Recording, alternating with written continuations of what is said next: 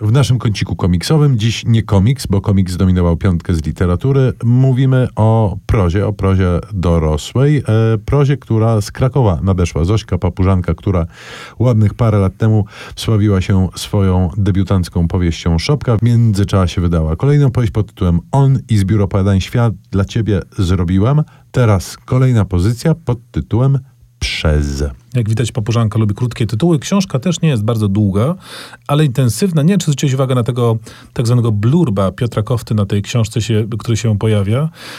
Blurbów przeważnie nie komentujemy, nie, cy, nie cytujemy, ale akurat e, Piotr Kofta wie, co mówi. On mówi o tym, że jeśli coś cechuje twórczość papużanki, to dokładność. To jest rzeczywiście taka bardzo precyzyjna proza. Ja mam wrażenie, że papużanka bierze sobie e, słowa pensetą i układa je w zdania i to na pewno długo trwa i bardzo precyzyjne jest, a sama historia ma charakter taki psychologiczno obsesyjno-sensacyjny, można powiedzieć, znaczy sensacyjny, jednak w psychologicznym wymiarze.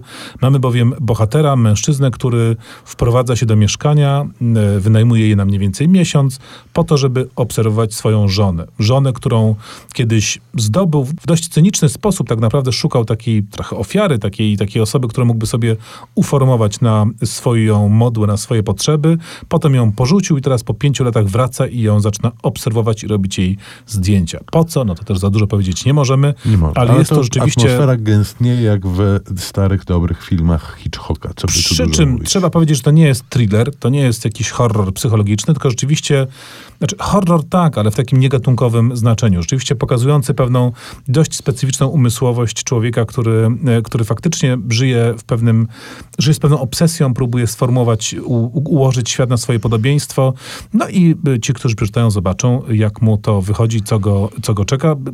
Krótkie, ale bardzo intensywne. Jak się okazało, książkę rekomendujemy nie tylko my we dwójkę, ale również towarzyszył nam w tych rekomendacjach Piotr Kofta. Którego pozdrawiam przy tej okazji serdecznie. No a jakże inaczej przy tej okazji musi wybrzmieć muzyka też prosto z Krakowa Grzegorza Turnała. Wspomnienie do słów Juliana Tuwima oczywiście.